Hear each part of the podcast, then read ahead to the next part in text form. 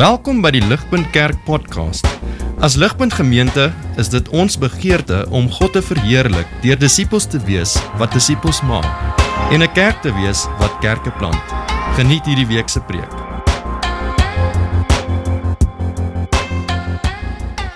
Weer aandiens. Dit is baie lekker om uh ja, hier by julle te wees en um, om weer 'n bietjie uh, na God se woorde te gaan en um, te hoor wat wat hy vir ons sê veral in ons in ons reeks heiliglik vra wat weghou. Ehm um, hierdie hierdie reeks is is vir ons wat so 'n bietjie skepties is in ons harte wat wat vra het oor oor die Christen geloof en, en vanaand gaan ons spesifiek hoop tackle. Ehm um, hoop ten spyte van die dood, hoop in die midde van die dood. Hoe hoe lewe ons ehm um, in vandag se tyd en wêreld uh, waar waar dood en siekte en seer kry Ehm um, soveel dinge maak die lewe hopeloos voel. Hoe, hoe lewe ons met enige mate van geluk of vreugde of doel? Ehm um, gegee dat die dat die dood so oor ons hang. Groot vraag, diep vraag, moeilike vraag. Ehm um, en so kom ons vra Christendom hierdie vraag en kom ons hoor wat sê Christendom vir ons. Ehm um, en ongeag waar ons is in ons geloofsreis, skepties of gelowig, glo ek ons gaan ten minste uh, 'n nuwe uh, 'n nuwe nuwe hoop vind um, in in Christendom se antwoord ten minste. Ehm um, en ek dink dit gaan ons help om om reg te verstaan. Ehm um, en en ek dink ons gaan verbaas wees oor oor spesifiek wat Christendom vir ons sê in die midde hiervan. Uh, voor ek inspring, kom ek bid vir ons. En dan ehm um, dan spring ons sommer reguit in en en kyk na na hierdie moeilike vraag en en hoor wat Christendom vir ons ons wil sê. Kom, kom ons bid saam. Almagtige God, uh, Vader, dankie vir uh u woord. Dankie vir ehm um, u wat deur die seën die dood oorkom het. Um, en ek bid vanaand dat u ons sal help om iets te sien van die waarde daarvan. Uh, maak nie saak waar ons is in ons geloof uh, reis nie of of skepties of gelowig of ehm um, maak nie saak waar ons is nie of selfs die seer wat ons op die oomblik ervaar nie. Sal u u woord gebruik. Ehm um, sal u die die antwoorde van Christendom gebruik om in hierdie seer, in hierdie gebrokenheid in te praat um, en sal u vir ons ehm, 'n um, kragtige hoop gee um, soos wat ons dit in die woord sien. Um, sodat ons um, makliker deur hierdie wêreld kan gaan. Ehm um, deur hierdie wêreld vol dood kan gaan. Ons ons bid vir dit. Heilige Gees kom en werk met deur hierdie woord. Praat met ons. Ons bid in Jesus naam alleen. Amen. So kom kom ons spring in hier met net so 'n bietjie van 'n van 'n inleiding en 'n en 'n storie. So verbeel jy gou twee mans Ehm uh, maar vir die doel van hierdie oefening, hierdie twee mans het daar's geen verskil tussen hulle nie. Hulle is dieselfde ouderdom, elkeen het een kind, selfde werk en gaan dit aan en aan en aan. Hulle is hulle is dieselfde in in elke opsig. En hulle albei moet ingaan vir 'n lewensgevaarlike operasie. Alles is dieselfde. Ehm uh, maar daar is tog een een verskil vir die doel van hierdie oefening. Ehm um, hulle dokters verskil. Okay, hulle is presies dieselfde maar hulle dokters verskil. Die een dokter sê vir die een man, uh daar is 'n groot kans dat jy nou jou oë gaan toemaak en dit mag wees dat jy nooit weer jou oë gaan oopmaak nie. Hierdie operasie waarna ons nou gaan gaan is is lewensgevaarlik. Ehm um, en, en ek het al hierdie operasie een of twee keer gedoen sê die dokter. Ehm um, maar ek weet nie of jy dit gaan maak nie. Ek gaan natuurlik my bes te gee sê die dokter. Maar gaan eerlik met jou wees, dis 50-50. Okay, jy gaan jou oë dalk toemaak en nooit weer oopmaak nie. Die ander dokter sê vir die ander man, okay, hier is 'n tweede man. Uh, verbeel jou meneer, uh, o, o, o, kom ons verbeel onsself. Meneer, hy sê vir vir die tweede man, ek het ek het al hierdie hierdie operasie 1000 kere gedoen. Uh, ja, dis gevaarlik. Ja, dis gevaarlik sê die dokter vir die tweede man, maar sonder twyfel gaan jy weer jou vrou en jou kind sien. Jy gaan. Sonder twyfel gaan jy wakker word en jy gaan hulle kan vashou.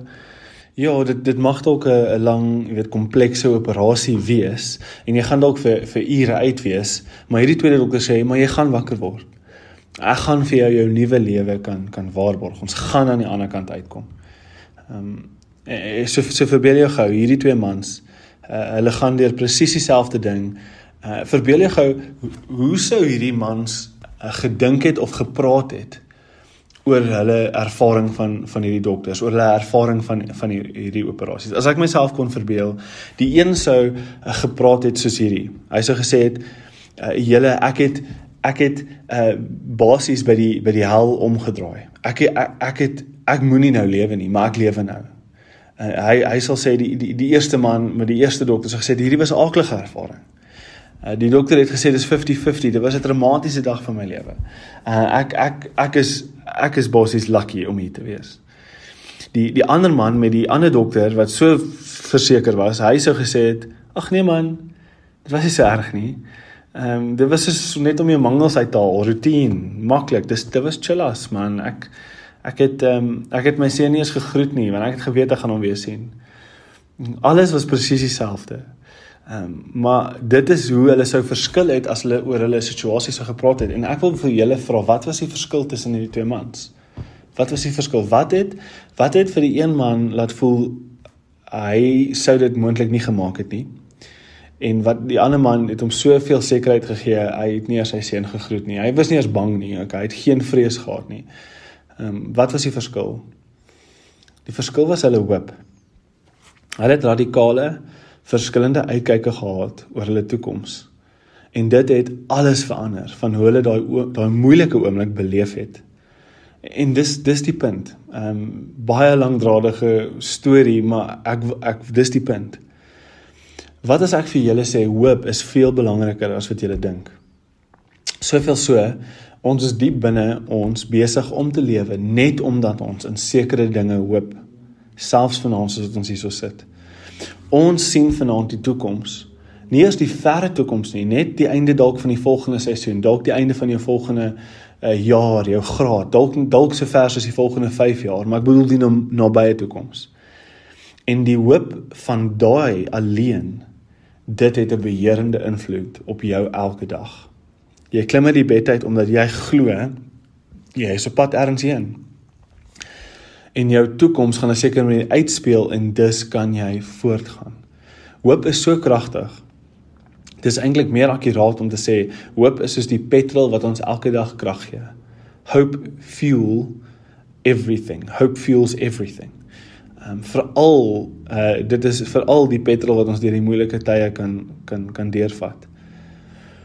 Al wat jou deur die moeilikste van dae kan kry, is eintlik omdat jy hoop jy gaan ergens anders opeindig waar dinge nie so moeilik gaan wees nie. Dit dit is die krag van hoop. Het jy ooit gedink hoekom raak mense so so depressief net oor die algemeen? Want 90% van die kere verloor hulle hoop. Ek dalk 100% van die kere begin hulle dink elke dag vir die res van my lewe gaan 'n slegte dag wees. Dis dis 'n depressiewe gedagte. Uh, hulle voel vasgevang in omstandighede wat hulle haat. Daar is nie meer rede om te lewe nie want sonder daai persoon, sonder daai daai ou of daai meisie wat ek wou getrou het. Sonder sonder daai ding, daai geld, daai daai lewe, sonder daai prentjie van hoe my lewe behoort te gelyk het met met siekte, uh, met hierdie siekte, met hierdie pyn, wat ook al dit mag wees. Die die depressiewe persoon dink as hierdie is hoe my toekoms gaan lyk, as hierdie is hoe die res van my lewe gaan lyk, dan is daar geen meer rede om te lewe nie. sien julle hoe kragtig is hoop? Sodra jy hoop verloor, dan verloor jy jou lus om te lewe, want hoop, want as jy hoop verloor, verloor jy die petrol van jou siel. OK, dis die krag van hoop. En en vanaand eh, het ek al hierdie gesê, ehm um, want want dis waar. Ehm um, dis waar vir ons as mense. Ek het ergens gelees hierdie week, die ou verduidelik, we are irreducibly hope-based creatures, die mens. En so vanaand kom ons by die vraag maar waaraan van die dood? Die dood op verskeie vlakke maak ons lewens hopeloos. En so hoop is kragtig, die dood is is 'n sekerheid 100% van mense gaan dood. Wat maak ons met hierdie? As ons toekoms is dat ons almal gaan doodgaan. Uh, en hoop is so kragtig, hoe lewe ons met die feit uh, dat ons gaan doodgaan? Hoe, hoe hoop ons? Is die vraag. Hoe gaan ons met enige mate van vreugde deur deur hierdie lewe? Ek het nie tyd om vir julle al die stories te vertel van net my laaste maand nie. Maar net hierdie maand het ek stories van kanker gehoor, ek het hartaanvalle gehoor, ek het karamgelukke gehoor. Uh, ek was gister by 'n uh, eergister by 'n begrafnis en ehm um, en en ek het daar baie stories gehoor. Uh, nie net stories van die persoon wat oorlede is nie, maar mense wat daar is wat wat kan wat kan relate Die punt is ons almal gaan in die grond opeindig. Wat is die punt om te lewe? Hoe hoop ons? Uh vanaand wil ek basies twee goed doen om om hierdie verder uit te pak. Nommer 1, ek wil bietjie praat oor 'n uh, sekulêre hoop, bedoelende hoe probeer ons kultuur en ons samelewing die probleem van die dood en hopeloosheid oorkom. Dis die punt 1, sekulêre hoop. Hoe hoe probeer die wêreld en die samelewing hierdie probleem van die dood en hoop oorkom? En dan wil ek vir ons ten minste net voorgee wat is die Christelike hoop? Ehm um, so eerstens sekulêre hoop wat en dan tweedens die Christelike hoop. En dan gaan 'n bietjie uitpak wat sê die Bybel oor oor die dood en oor hoop. Kom ons spring in sekulêre hoop. Uh die eerste punt. Okay, so uh ons het nou klaar die die probleemstelling vir onsself voorgegee en die kort antwoord is wat sê wat sê die kultuur vir ons samelewing? Hoe gee die samelewing vir ons hoop in die midde van die dood? Die kort antwoord is daar is geen goeie antwoord nie. Ehm um, dalk klink dit hard, maar maar dis dis reg waar. Die samelewing wat nie glo in 'n God nie, ons kultuur wat elke dag lewe vir die hier en nou, weet nie regtig wat om met die dood te maak nie. Hulle weet nie regtig hoe om te hoop nie. As ons net byvoorbeeld kyk na 80% van die flieks en series van vandag, hoeveel van hulle behels nie een of ander 'n uh, apokaliptiek einde van alles nie. Hoeveel van daai flieks en series speel nie af in 'n wêreld wat al klaar vernietig is nie. Jy weet post-apocalyptic, die wêreld is klaar geëindig, ons moet net oorleef. Hoeveel van hulle draai nie om een of ander impending doom wat dalk nog gaan kom nie, maar doom is doom, okay? So die punt is ons storytelling vandag is ongelooflik doomy en gloomy. Uh dis baie hopeloos. Want ons kultuur is hopeloos want ons weet nie regtig wat om te doen met die hopeloosheid van die dood wat oor ons almal hang nie. En dan is daar nog 'n groter punt uh, wat bewys dat die kultuur nie 'n goeie antwoord het nie en dit is die die groot simptoom van van hooploosheid is depressie en en dis shocking as jy kyk na vandag se syfers. Uh, die selfmoord en depressie syfers vandag um, spesifiek in die westerse sekulêre wêreld. Nie soveel interessant genoeg in Afrika nie, maar Amerika, Europa, Japan. Dit is dit is die mees bevorderde lande. Eerste wêreldlande, baie suksesvolle lande daar vind ons die hoogste selfmoordsyfers. Hulle is die uh kulture, westerse kulture wat verseker vir ons weet verkoop. Hierdie is die antwoord. As hulle 'n antwoord gehad het op hopeloosheid bedoelende sou hulle 'n antwoord vir ons gegee het, maar daar vind ons die hoogste selfmoordsyfers. Dit beteken daar ehm um, sien ons dat juis die eerste wêreldlande gee die slegste antwoord vir hoop en en en en die dood. Hulle gee eintlik geen antwoord nie. Dis hoekom die selfmoordsyfer so hoog is daar. Ehm um, dis verseker ook iets wat ons hier in Suid-Afrika beleef, maar dis meer en meer ehm um, ons wit westerse Engelse en Afrikaanse mense wat nog steeds depressief ly want ons koop die meeste in in die westerse kultuur. Ehm um, so so die statistieke veral onder jong mense is dat selfmoord onder tieners die laaste 10 jaar met 70% geklim het. So die jonger mense wat die meeste die westerse kultuur, YouTube, alles van die samelewing, alles van Instagram, ons eet dit op. Daai generasie, daai daai de, de, demography is met 70% op. Tieners is 70% laaste 10 jaar op. Uh en en die trend is dat dit gaan aanhou klim. Wat gaan hier aan? Die punt is weer eens onder al hierdie depressie lê daar 'n diep hopeloosheid en die kultuur weet nie hoe om dit aan te spreek nie. Hierdie siele wat so depressief is, is leeg van hoop. Daar is nie meer sielspetrol oor vir hulle nie. Dis hoekom hulle in sulke diep uh, uh depressie lê. Kyk, uh, as ons net weet weet dit na ons toe bring en ons is eerlik met onsself en ons kyk nie net na die kultuur wat geen antwoord vir ons gee nie, maar maar as ons eerlik met onsself moet wees, ons almal het 'n diep vrees dat wanneer ons die dood uh wanneer die dood op ons deur gaan klop uh is daar eintlik diep binne ons 'n vrees dat ons niks gaan bereik nie dat ons niks van waarde gedoen het nie dat ons niks meaningful agtergelaat het nie dat ons die vreugde en die genot en die liefde van hierdie wêreld gaan moet prys gee en dan na die dood gaan ons met niks gelaat word nie. Die dood gaan ons ontneem van alles Die die dood los 'n diep vrees in ons almal op verskeie vlakke. Ehm um, en dit steek kop uit wanneer ons naby die dood kom op op een of ander manier naby die dood beleef. En dan dan begin ons van hierdie goeters beleef. Jy sê dalk en val nie vir my nie, ja, ek ek voel nie daai vrees nie. Ehm um, dan wil ek jou challenge. Ek challenge jou, gaan bietjie na 'n begrafplaas toe. Soek vir 'n grafsteen van iemand met jou geboortedatum. En jy sal nie lank hoef te soek nie want daar's verskriklike stories daar buite. Staan net daar en laat die realiteit insink. Dalk hoef jy dit nie eers te doen want iemand naby jou sou leer nie. Ehm um, jy weet as iemand naby jou leer is, dan weet jy presies waarvan ek praat. Wat ek wat ek probeer sê is al gee die kultuur nie vir ons antwoorde nie. Ehm um, hierdie hierdie is baie naby aan ons almal en en een van die maniere hoe hoe ons probeer weghardloop van die realiteit van die dood en hoe die kultuur probeer weghardloop van die realiteit van die dood is is ons almal probeer lewe asof ons nie gaan doodgaan nie. Ehm um, ons almal probeer vergeet, verdoof, ons probeer onsself blind hou tot die realiteit van die dood. Ehm um, baie mense doen hierdie. Die kultuur sê vir ons doen hierdie. Hierdie is een van die antwoorde. Dit is nie 'n antwoord nie. Dis net 'n hardloop weg vir die vir die dood maak asof dit nie daar is nie. Maar maar die punt wat ek probeer maak is as jy na 'n begrafplaas toe gaan as jy lank genoeg lewe as jy iemand in jou nabye sirkel gehad het wat al die dood uh, beleef het wat wat jy hartseer oor was die punt is almal gaan gekonfronteer word met die dood. Almal. En dan gaan jy 'n antwoord moet hê um, of jy gaan in 'n sielsdepressie in uh beland soos soos soveel ander.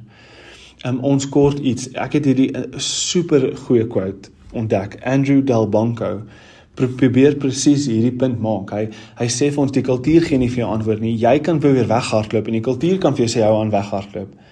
Maar eers gaan jy 'n antwoord moet hê want jy gaan nie vir ewig kan weghardloop vir die dood nie.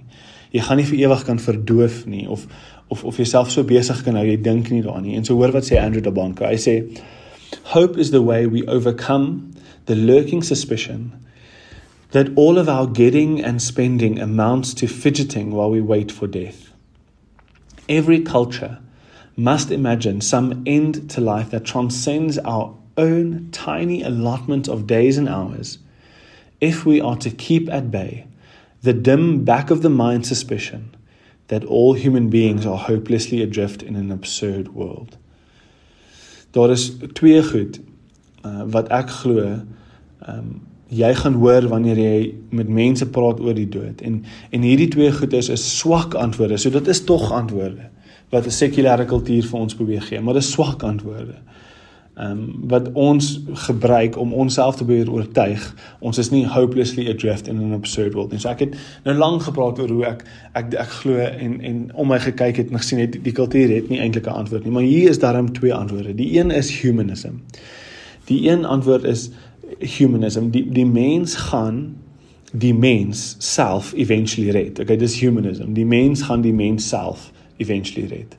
Die mens is basically goed en ons as die mens gaan aanhou en aanhou bevorder tot ons selfs die grootste vyand oorwin, die dood self. So ja, dalk gaan jy doodgaan, maar hier's die hoop. Hier's die hoop. Jy jy jy gee jou lewe vir jou kinders en vir die bevordering van die samelewing. En dalk hoef jou kinders nie dood te gaan nie. So ja, jy gee jou lewe, jy gaan dood, maar jy gee jou lewe vir die bevordering van die samelewing. So dalk hoef jou kinders nie die dood te beleef nie, want ons gaan aanhou, aanhou bevorder. Aanhou en eventually gaan die mens die mens self red. Um, ons sien hierdie famously in um die figuur Tony Stark, Marvel se Iron Man, okay, baie bekend. Hy is die quintessential, okay, bietjie gebroke, maar goeie mens wat slim genoeg is om met bevorderde tegnologie die mensdom te red. Dis sy storie, okay. Dis die dit is Iron Man in elke Marvel movie um waar die wêreld op een of ander impending doom teekom, die wêreld gaan eindig, die wêreld, die mensdom is is hoop, gaan doodgaan, aliens, mega powerful gode, wat ook al, enemies kom om die wêreld te vernietig. Maar hier kom Tony Stark. Die goeie mens met genoeg bevorderde tegnologie om die mensdom te red. Die mens red die mens deur Tony. Tony wys vir ons Tony is 'n interessante karakter want hy het hy het geen superpowers nie. Hy's net ryk. okay, hy het baie geld wat nog 'n interessante inspraak lewer op wat ons kultuur sê die antwoord is vir die dood. Maak baie geld. Ehm um, hy het geen superpowers nie, maar hy's slim genoeg en hy het genoeg tegnologie, hy het genoeg bevordering om enigiets te kan oorwin. So op op hierdie subtiele manier sê die kultuur vir ons, die kultuur probeer ons oortuig dat ons mense wat eintlik goed is, gaan eventually 'n tipe van 'n utopia bou met bevorderde tegnologie en daar in daai utopia gaan alles eintlik oukei okay wees. Hierdie wêreld is is is nie nou hemel nie, maar ons kan dit eendag hemel maak. Ons moet net aanhou voortgaan, aanhou ons lewe gee vir bevordering, gee jou lewe vir werk, gee jou lewe vir baie geld. Ehm um, hierdie is die rede. Hierdie is rede om om hoop te hê. Okay, so ek weet is nou nie super hoopvol nie, maar dis die tipe hoop wat sekulêre kultuur vir ons sê. Ons gaan dit maak. Die mens gaan nie gaan die mens red. Hierdie is 'n rede om nie op te gee nie. Uh, H.G. Wells was 'n baie bekende Britse skrywer en hy het famously geskryf hierdie. Okay, en hierdie is 'n voorbeeld van hierdie humanism. Hy het gesê, "Can we doubt that our present uh that presently our race will more than, our human race will more than realize our boldest imaginations. Can we doubt? No, we can't. Our human race will achieve our boldest imaginations. We'll achieve unity and peace, and our and, and the children of our lives, of blood and lives, will live in a world made more splendid and lovely than any palace or garden that we know of. Um, they will be, go from strength to strength uh, achieving an ever widening circle of of adventure. So dis H.G. Wells. Okay, dis humanism. Okay. Hy het dit geskryf in 1928. Nou dis belangrik want in 1928 ehm um, val kom ek vra jou, daai datum is belangrik want wat gebeur net na daai datum, okay? Wat gebeur nie eers 20 jaar later H.G. Wells dit geskryf het nie.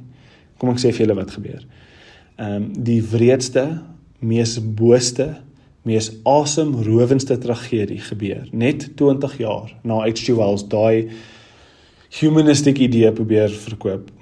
20 jaar later gebeur die Tweede Wêreldoorlog. En van daai tyd af uh van daai tyd af is niemand regtig meer oortuig dat die mens regtig die mens eintlik kan red nie. Ehm um, ja, met genoeg bevordering gaan ons beter wees as wat ons was. Maar maar niemand is meer oortuig dat die mens werklik binne homself goed is nie. Inteendeel, um, ons sit eintlik almal in afwagting van 'n derde wêreldoorlog.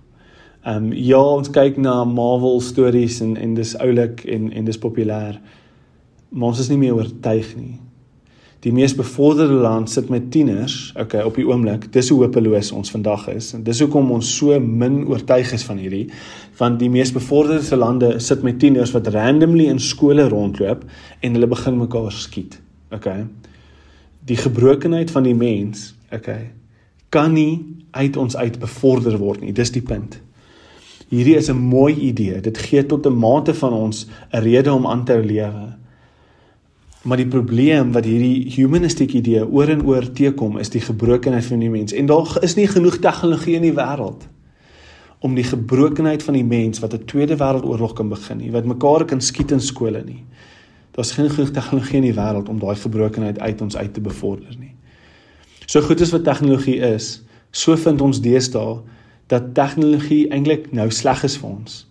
Okay, social media breek ons. Social media sleg vir ons en dis die nuutste bevordering, nê? Nee?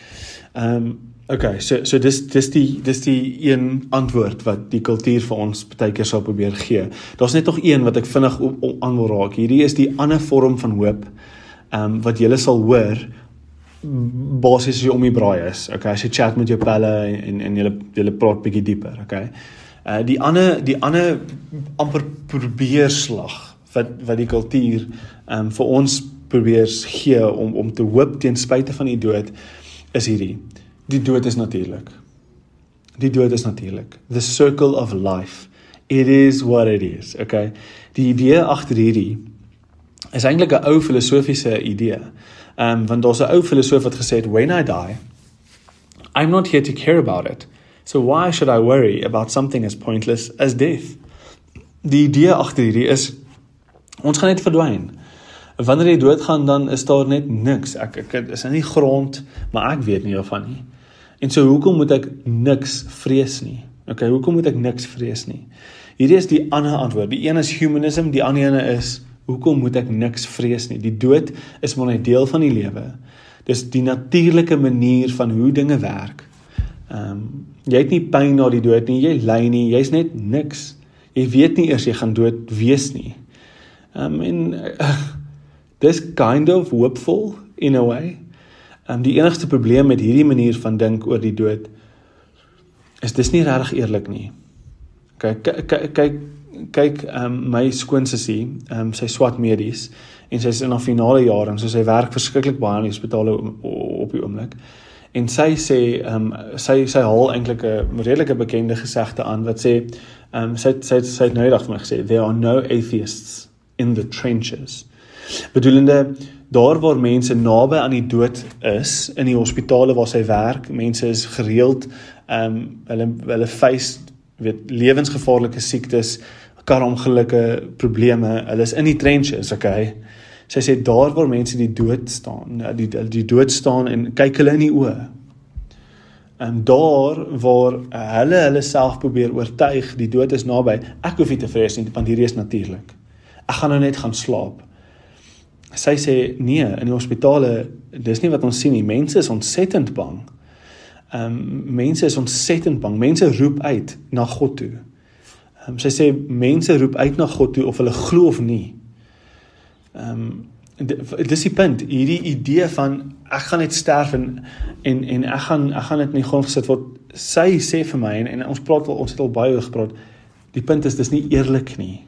Dis nie eerlik nie om te sê dat wanneer ek sterf dat alles wat ek liefhet, alles wat die wêreld vir my beteken, gaan weggeneem van gaan gaan word vir my alles alles wat lekker is, die lewe, alle liefde, alle verhoudings, alles wat my bly maak, alles wat ek geniet.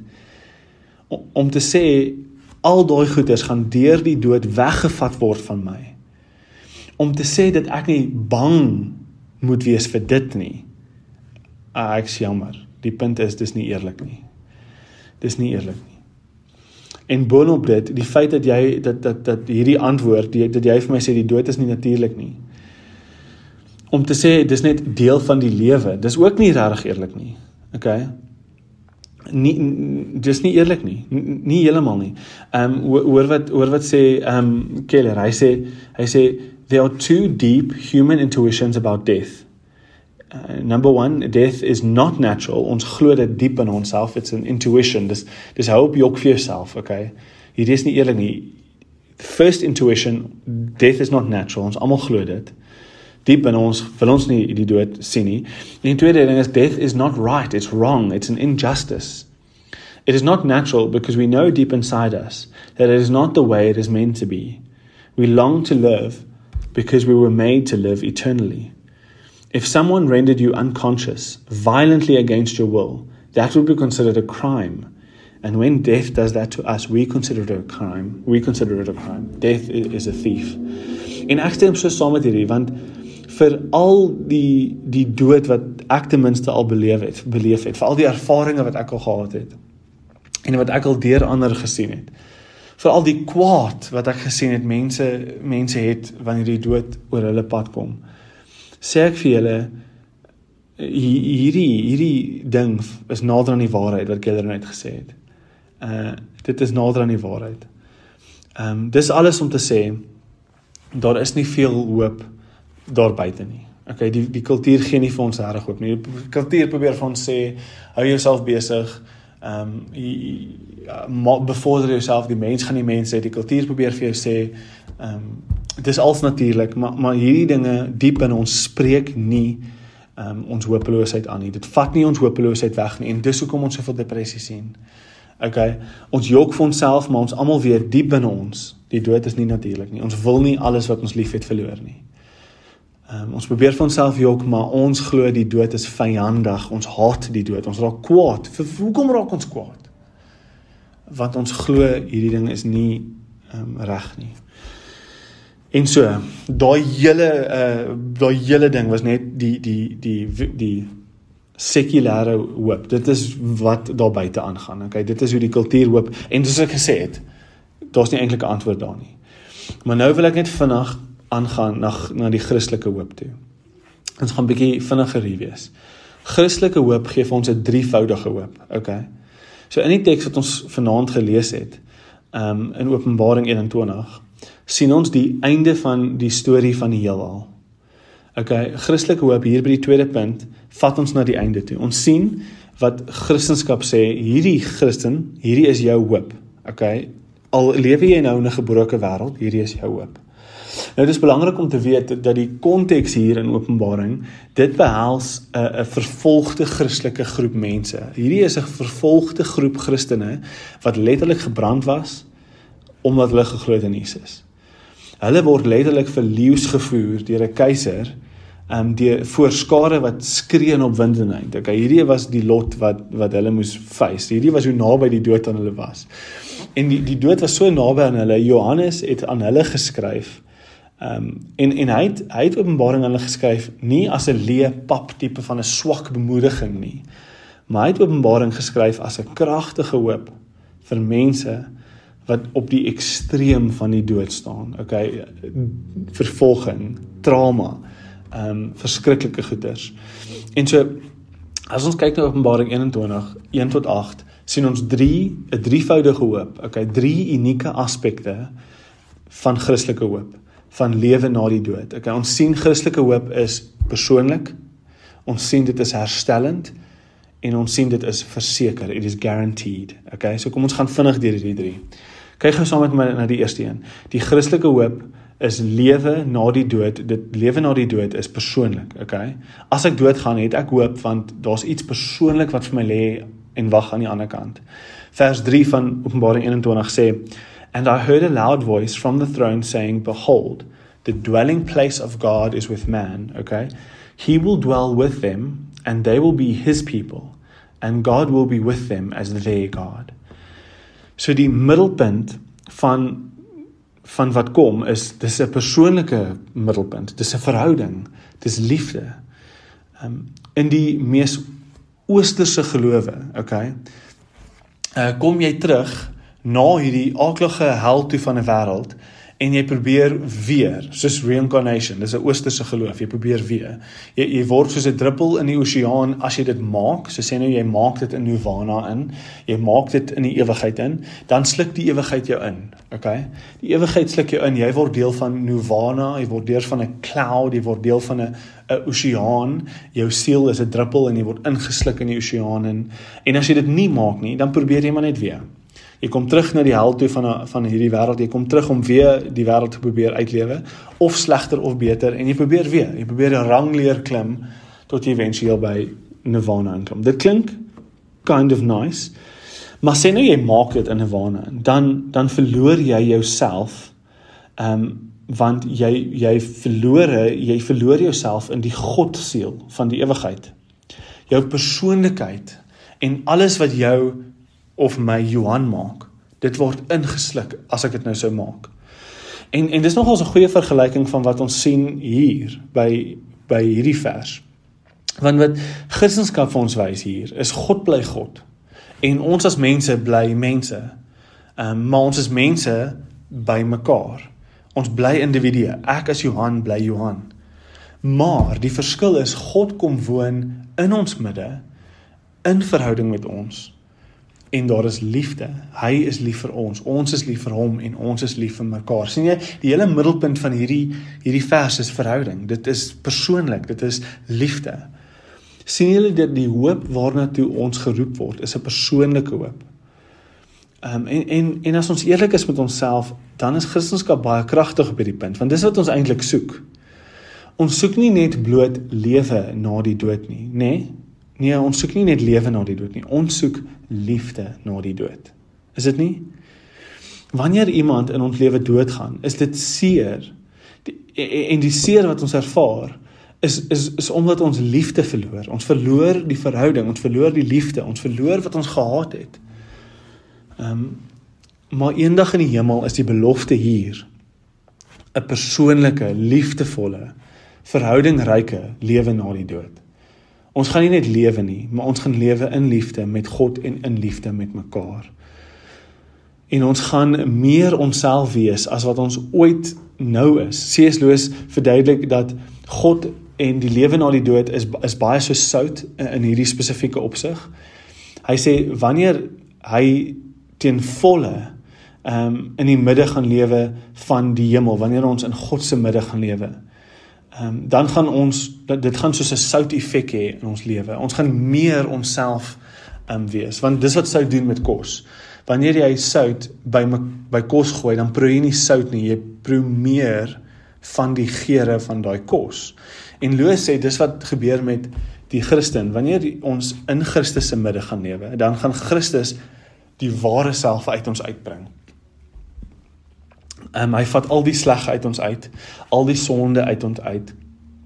En en en selfs die mense wat ons liefhet, as ons hulle eendag in die hemel gaan ontmoet, dan gaan hulle die beste uh mense wees wat hulle ooit was. Ehm um, ons gaan hulle gaan 10000 keer meer hulle self wees en ons gaan die beste van daai mense kan geniet en hulle gaan nog steeds hulle self wees. Ons gaan ons self wees. Hierdie is die Christelike hoop. Dit is persoonlik. Dit is verhouding, dis liefde. En in plaas daarvan dat ons ingesluk word en onsself verloor in een of ander God siel in die heelal, nee. Ons gaan in die hemel 10000 maal meer onsself wees. Ehm um, en, en dit is dit is die persoonlike hoop wat ons het, die die die die Christelike antwoord. Maar die tweede ding, die tweede deel van ons hoop is dit is restorative. Okay, dit is herstellend. As ons kyk na vers 1 van Openbaring 21 lees ons the new heavens and the new earth, a holy city. Okay, new, dit's herstellend. Um ons lees in vers 4, he will wipe away every tear from their eyes and death shall be no more. Neither shall there be mourning nor crying nor pain anymore, for the former things have passed away. Behold, I am making all things new, verse 5. Verse 6, to the thirsty I will give the spring of water of life without payment. Um baie gelowe, okay, baie gelowe um beloof 'n hemelse lewe na die dood wat baie voel soos amper soos 'n troos bedoelende nie dat dit 'n slegte ding is heeltemal nie maar bedoelende soos dis 'n drukkie na 'n lang dag wat vir jou sê alles gaan oukei okay wees. Dis hoe die dis hoe die lewe na die dood voel. Dit gaan oukei okay wees. Um weet jy jy hoef nie meer nou te ly nie. Alles is nou verby. Dis 'n troos 'n pat on the back. En natuurlik is dit wat Christendom hier is. Dit is 'n massiewe troos maar dis meer as dit. En ek wil hê julle moet in hierdie verse sien, dis meer as 'n troos. Christendom glo in glo in die opstanding van Jesus, okay?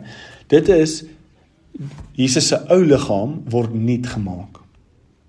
Dit is nie ehm um, dat ons siele ergens rondsit kaalgat engeltjies op 'n wolkie nie. Okay, dis nie wat ons hier sien nie. Ehm um, nee, wat ons hier sien en in die verse is nuut. Ons sien alles gaan restore word. Hy vat ons ehm um, hy vat wat ons wat ons hier het en hy maak dit nuut. Hy herstel dit en gedeeltelik gee hy vir ons terug wat ons verloor het. Dit is meer as net 'n troosting na 'n lang dag. Dit beteken die lewe wat ons hier gelewe het, die seer, die pyn, die trane. Jesus sê nie net bloot dat hy ons gaan troos en hy gaan daai trane wegvat nie. Wat hy hierso sê is veel kragtiger. Hy sê hy gaan daai lewe herstel. Hy gaan vir jou teruggee wat jy verloor het maar beter. So jy ja, jy gaan 'n lewe sonder siekte en sonder lewe. Maar hy gaan vir jou ook 'n lewe teruggee. En hy gaan vir jou die lewe teruggee wat jy nou wat jy wou gehad het. Alles wat sonde van jou weggevat het, alles wat die dood van jou weggevat het in hierdie lewe, beloof Jesus Christus, hy gaan dit vir jou teruggee.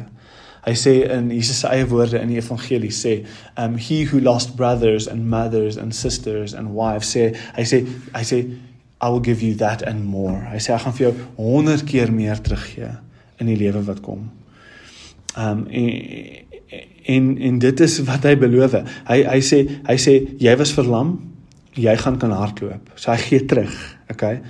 Uh, jy wou die wêreld toer en die ski slope die ski slopes toe gaan en jy wou daai tipe lewe gelewe het hier maar weens sonde of wat ook al jou lewe vir jou uit uitgedraai het in die gebrokenheid van die wêreld Jesus sê vir jou die ski slopes in die hemel gaan mooier wees as enigiets wat jy hier kon beleef het hier en nou sien julle dis meer as 'n troos. Die die die die nuwe hemel en die nuwe aarde is nie net 'n troos nie, dis 'n geskenk.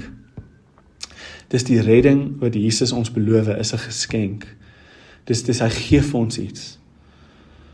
Hy gaan vir ons alles wat ons verloor het teruggee. Dis die Christelike hoop, dis herstellend, maar laastens okay, dit is verseker. Die derde die derde deel van die drievoudige hoop van die Christen is dit is dit is um persoonlik dit is herstellend maar dit is verseker it is certain okay um kyk in vers 5 van Openbaring 21 write this down sê sê Jesus vir vir Johannes because these words are trustworthy and true hier is die verskil um wat Christendom radikaal anders maak as enige ander geloof Ehm um, die die ding wat Christendom anders maak is Christendom sê jy hoef nie onseker te wees dat jy hierdie hoop gaan ontvang nie.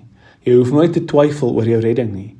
Jy kan weet dat deur Jesus Christus wat in jou plek staan, deur Jesus Christus wat jou sonde op homself geneem het en die straf vir jou sonde betaal het aan die kruis, jy kan weet dat jou plek in die nuwe hemel en aarde jou plek is verseker. As jou naam in die boek van lewe geskryf is, deur die bloed van Christus kan niks jou naam uit daai boek uithaal nie. Enige ander geloof gaan vir jou sê jy moet eers deur al hierdie hoeps spring. Jy moet eers 'n goeie mens wees. Jy moet eers 'n sekere lewe lewe voordat jy kan seker wees. Ehm um, en weet jy omdat ons soveel stront en sonde aanjaag in ons lewe, is die waarheid jy gaan nooit kan seker wees nie. As iemand vir jou sê jy moet seker, jy moet eers hierdie goeders doen, dan kan jy seker wees gaan daar altyd 'n mate wees van het ek genoeg gedoen. Ehm um, jy gaan nooit oortuig wees dat genoeg genoeg is nie. Jy gaan nie, jy gaan nooit weet nie. Maar Jesus sê dit gaan nie oor wat jy gedoen het nie. Daar's niks wat jy kan doen nie. Jesus sê ek sê vir jou dat wat ek gedoen het genoeg is. Jesus sê aan die kruis, it is finished. Daar is niks meer om te doen nie, want ek het alles gedoen. Ek het die dood oorkom. Deur my is daar nuwe lewe en dit is 'n versekerde nuwe lewe. Hierdie is die krag van die Christelike hoop. Dit is persoonlik, dit is herstellend en dit is verseker. Uh, ek sluit af uh, met 'n redelike regheid maar harde uitdaging. Daar is um, vers 8 'n duidelike lyn van wees in en wees uit. Okay, vers 7 en 8 van Openbaring 21 sê the one who conquers will have this heritage. I will be his God and he will be my son. But as for the cowardly, as for the faithless, as for the detestable, as for the murderers, the sexually immoral, the sorcerers, the idolaters, all the liars, their portion will be in the lake that burns with fire and sulfur, which is the second death. Um julle daar is hoop maar Christendom trek 'n duidelike lyn tussen wie is in en wie is uit en daar daar daar is 'n 'n uitnodiging hier ons moet na Jesus toe gaan. Uh, ons moet na Jesus toe gaan. Ons moet ons sondes bely. Ons moet bekeer van die ou lewe wat ons gelewe het en kyk na Jesus as ons nuwe hoop. Ons moet daar na Jesus toe gaan en vra vir vergifnis en kyk hoe hy ons sondes vat op homself aan die kruis. Dit is die begin en dis die einde van ons hoop. Want dit is waarin ons inkom en dit is waarin ons bly.